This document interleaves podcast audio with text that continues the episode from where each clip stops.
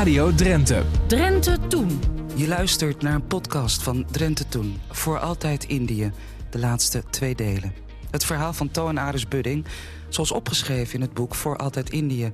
Geschreven door schoondochter Janneke Budding uit Meppel. To en Aris Budding vertrokken in 1939 naar voormalig Nederlands-Indië. Jong, verliefd, ambitieus. Toen ze op de MS Oranje naar Bandung voeren.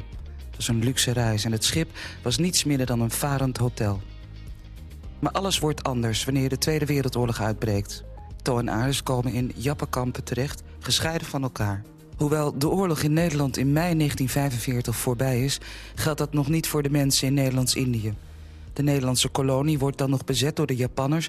die zich nog niet overgeven. Pas op 15 augustus, ongeveer een week nadat Amerikaanse atoombommen... op de Japanse steden Hiroshima en Nagasaki vallen... geeft de bezetter zich over. Na de bevrijding of capitulatie verblijven To en Aris in een huisje... in een voormalig interneringskamp... Ironisch genoeg werden die kampen weer bewaakt door Japanners... die door de geallieerden werden aangesteld. Schoondochter Janneke Budding uit Meppel beschrijft hun verhaal in Voor Altijd Indië... de geschiedenis van twee jonge mensen tegen de achtergrond van de wereldgeschiedenis.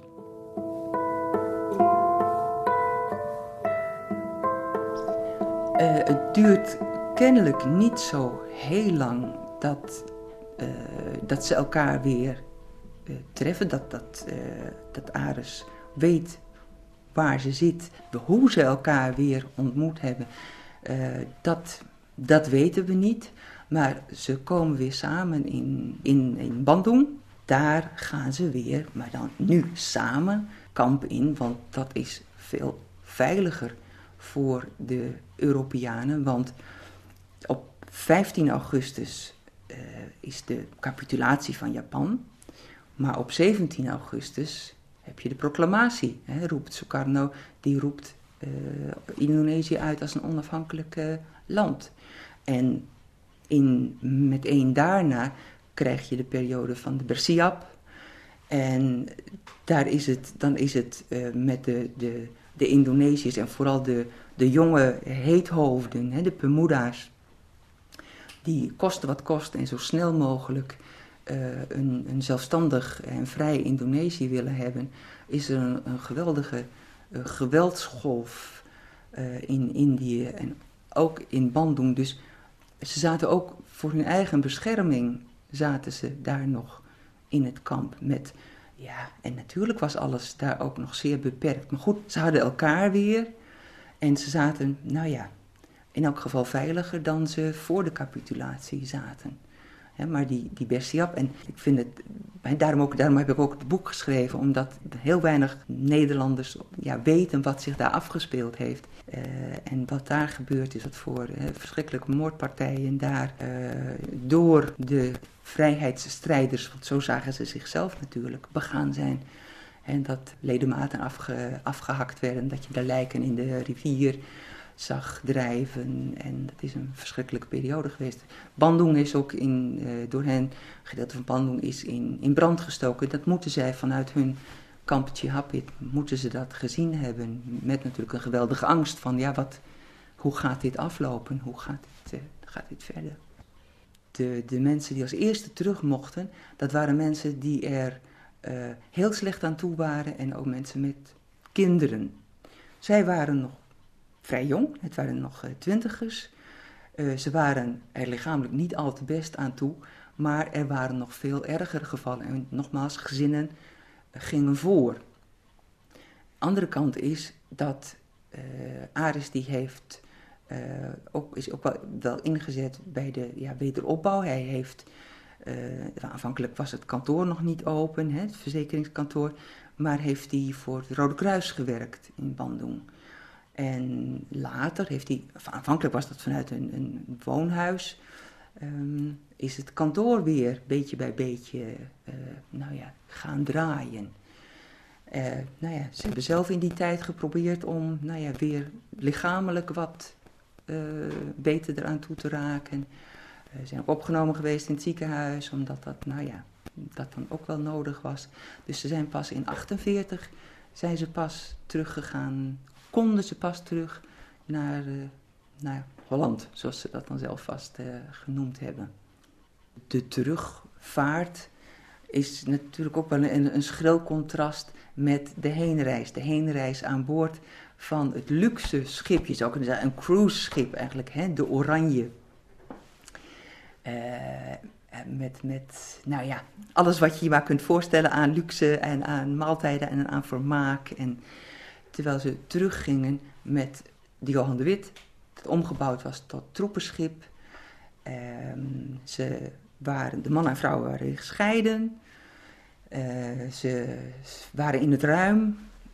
Daar waren hangmatten. Het licht bleef de hele nacht aan. Dus je kunt je wel voorstellen dat dat uh, niet bepaald een comfortabele overtocht was. Waarbij natuurlijk ook ziekte, mensen waren allemaal zwak, hadden ziektes. Mazelen is daar ook uitgebroken. Um, dat dat ook wel een beproeving was.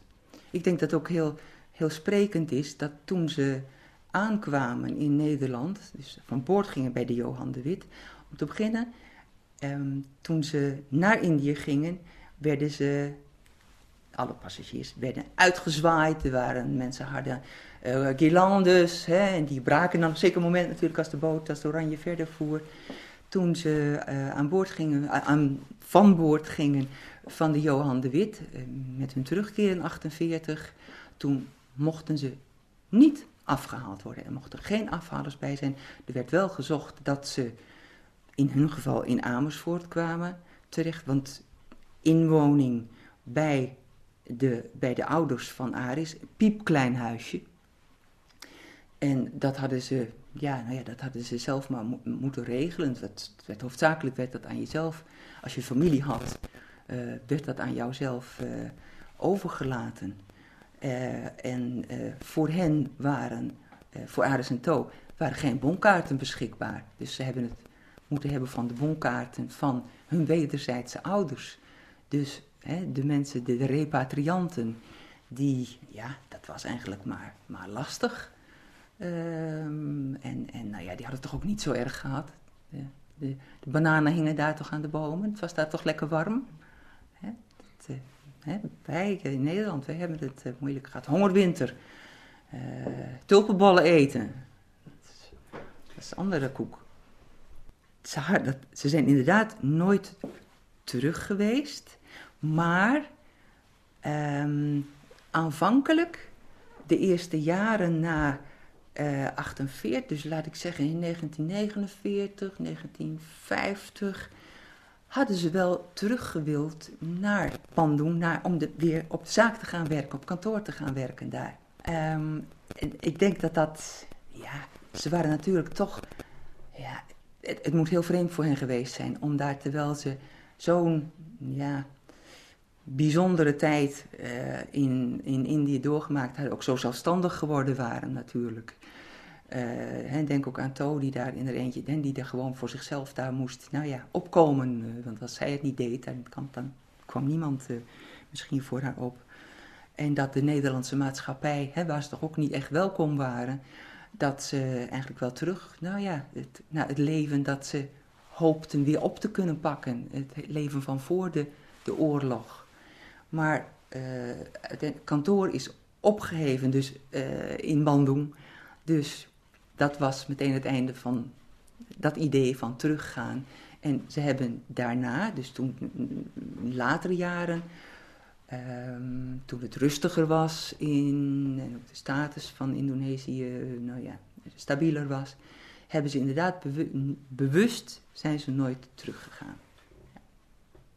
En Holland als koloniale grootmacht was natuurlijk ook niet meer wat voor de oorlog was. Nee, zeker niet. Nee. Indië verloren, rampspoed, rampspoed goed geboren. Ja, ja. Dus dat was ook hè, de, de, ja, in hoeverre Nederlanders ook gedacht hebben dat de, de, Nederlandse, hè, de Nederlanders die in Indonesië waren in die tijd, dat die daar schuld aan hadden. Ik weet het niet. Het zou ook nog kunnen. Maar... Aris Budding overleed in 1998, ruim 82 jaar oud. Toos stierf in 2012. Zij werd 95 en bracht haar laatste jaren door in het Irenehuis, een verzorgingshuis in Meppel. We gaan terug naar 1948.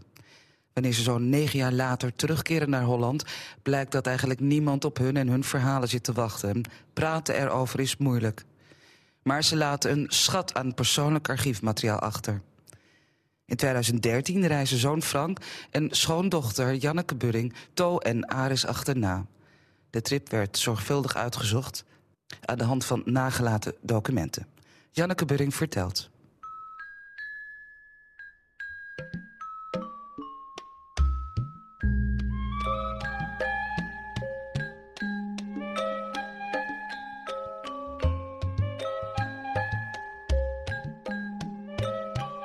Ja, letterlijk zijn we in hun, in hun voetsporen over Java, want hè, dat is het eiland waar we over praten, zijn we geweest.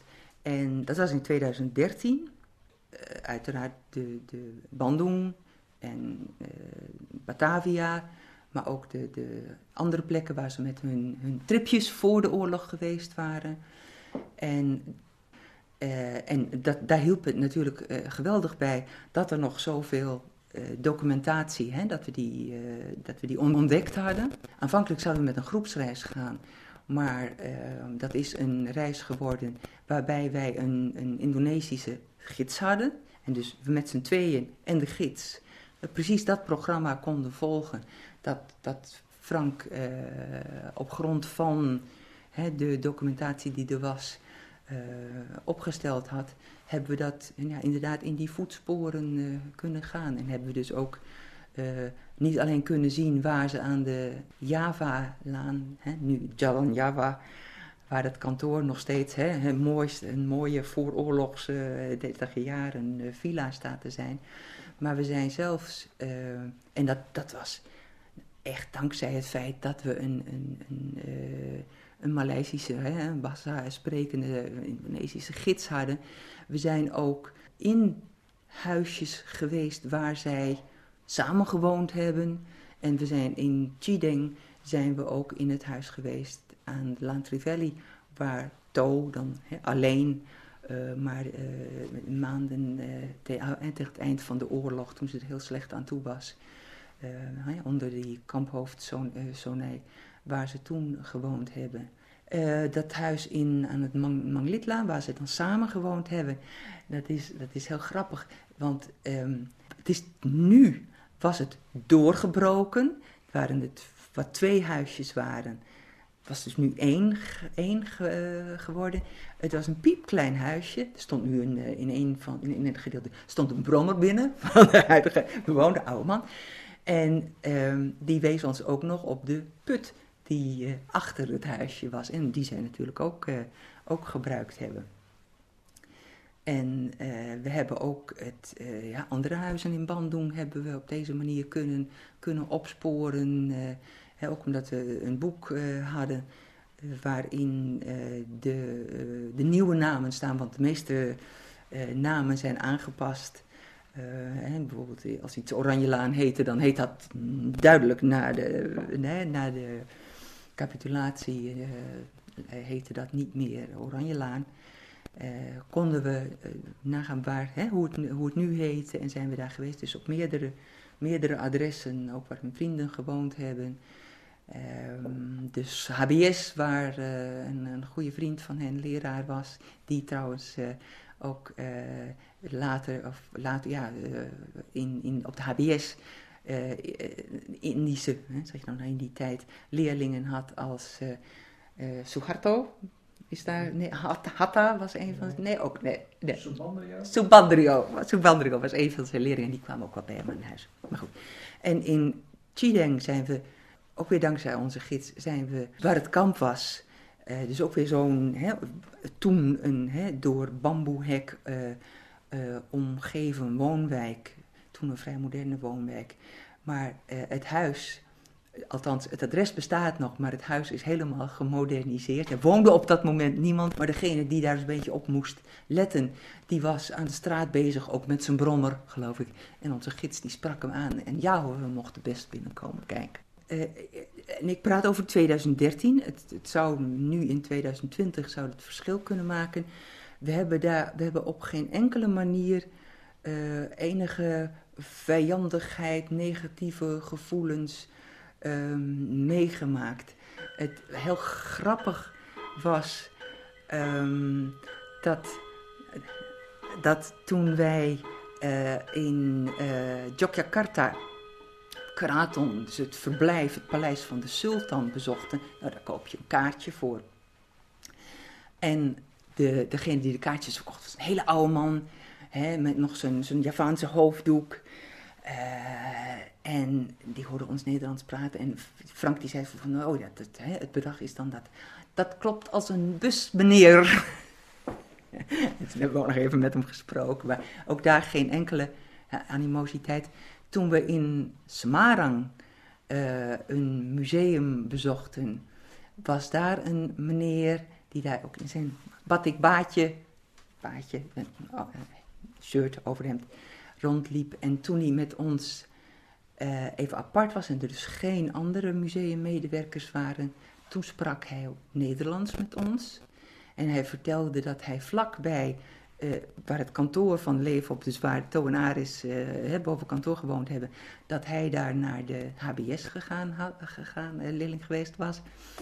En het was wel duidelijk dat hij de, de, de tijd dat de Nederlanders daar regeerden, de baas waren, dat hij dat zeker niet negatief bekeek. Maar nogmaals, hij zei dat in het Nederlands en er waren toen geen andere Indonesiërs binnen gehoorafstand. Uh, de, de, de, de heleboel documenten, en er zijn nog veel meer dan ik nu uh, heb laten zien, veel meer, dat we die pas na haar overlijden, toen Frank het enige kind, dus vanzelfsprekend dat, dat wij ja, uh, na haar overlijden uh, de boel moesten, nou ja, wat er dan na een overlijden te doen staat, hè, dat spullen doorgenomen moeten worden. Die hebben natuurlijk ons juist heel veel informatie gegeven, waardoor wij zo gericht onze, ja, in de voetsporen van reis konden maken. Voor altijd Indië dat, die titel heb ik gekozen omdat uh, niet alleen in het leven van Ares en To Indië tot het eind van hun leven een, een, een factor was. En dan kan ik zeggen dat toen Frank uh, kind was en ze wilden aan tafel bijvoorbeeld iets bespreken wat niet voor zijn oren bestemd was, dan ging dat in het Maleis. Maar ook dat ze uh, tot in, ze zijn hoogbejaard, dat, tot in, dat ze in, in de tachtig waren, dat ze nog meerdere keren per jaar nachtmerries hadden over, over hun kamptijd dan met name. En uh, ook het feit dat To, hè, toen ze hoogbejaard hè, in het bejaardenhuis hier in Meppel kwam, dat ze zei, geen boeken over de oorlog. Dat geeft ook wel aan dat het, dat tot het einde van uh, haar leven uh, speelde. En ja, voor ons, ja, met name Frank, is natuurlijk toch ook ja, opgegroeid met Maleise woorden, met uh, Indische gewoontes.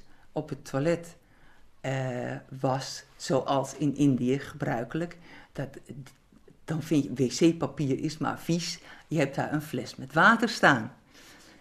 En dat hadden zij ook jarenlang. En later werd dat in wat ze dan een pissertje noemden in de wc-bak waar het water uitspoot.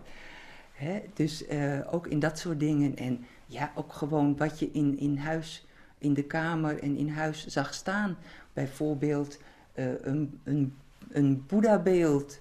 Uh, wat een, een Chinese kom. Uh, ja, allerlei dus voorwerpen die ze meegenomen hadden. En die dus ook gewoon visuele ja, reminders waren aan, aan die periode. En die wij nu ook, nou ja, uit, ja, ja, om die herinnering levend te houden. Die wij nu uh, ja, in onze kamer hebben staan en, en koesteren.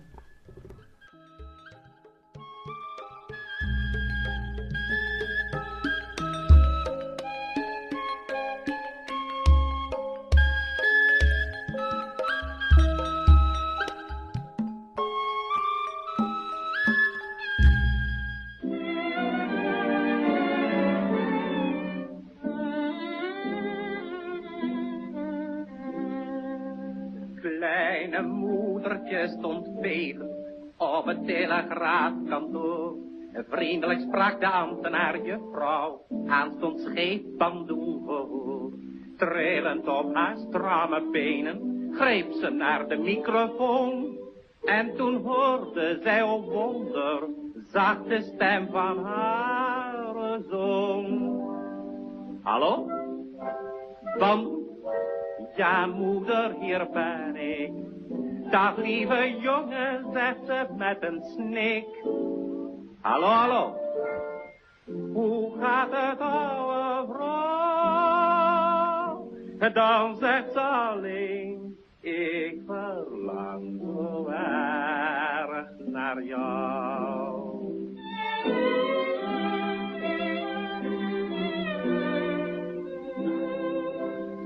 Lieve jongen, zegt ze teder, ik heb maandenlang gespaard. Het was om jou te kunnen spreken, mijn allerlaatste gulden waard.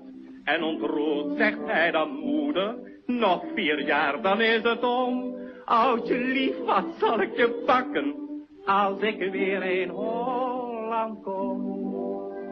Hallo? Van Ja, moeder, hier ben ik. Dag, lieve jongen, zegt ze met een snik. Hallo, hallo. Hoe gaat het, ouwe vrouw? En dan zegt ze alleen, ik verlang zo erg naar jou.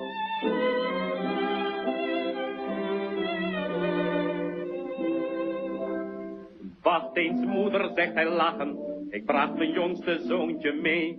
Even later hoort ze duidelijk. Oh, hoe lief, tabé, tabé. Maar dan wordt het haar te machtig. Zachtjes fluistert zo heer. Dank dat ik dat heb mogen horen. En dan valt ze wenend neer. Hallo? Van? Ja, moeder, hier ben ik. Zij antwoordt niet, hij hoort alleen een snik. Hallo, hallo, klinkt over een verre zee. Zij is niet meer aan het kindje roepen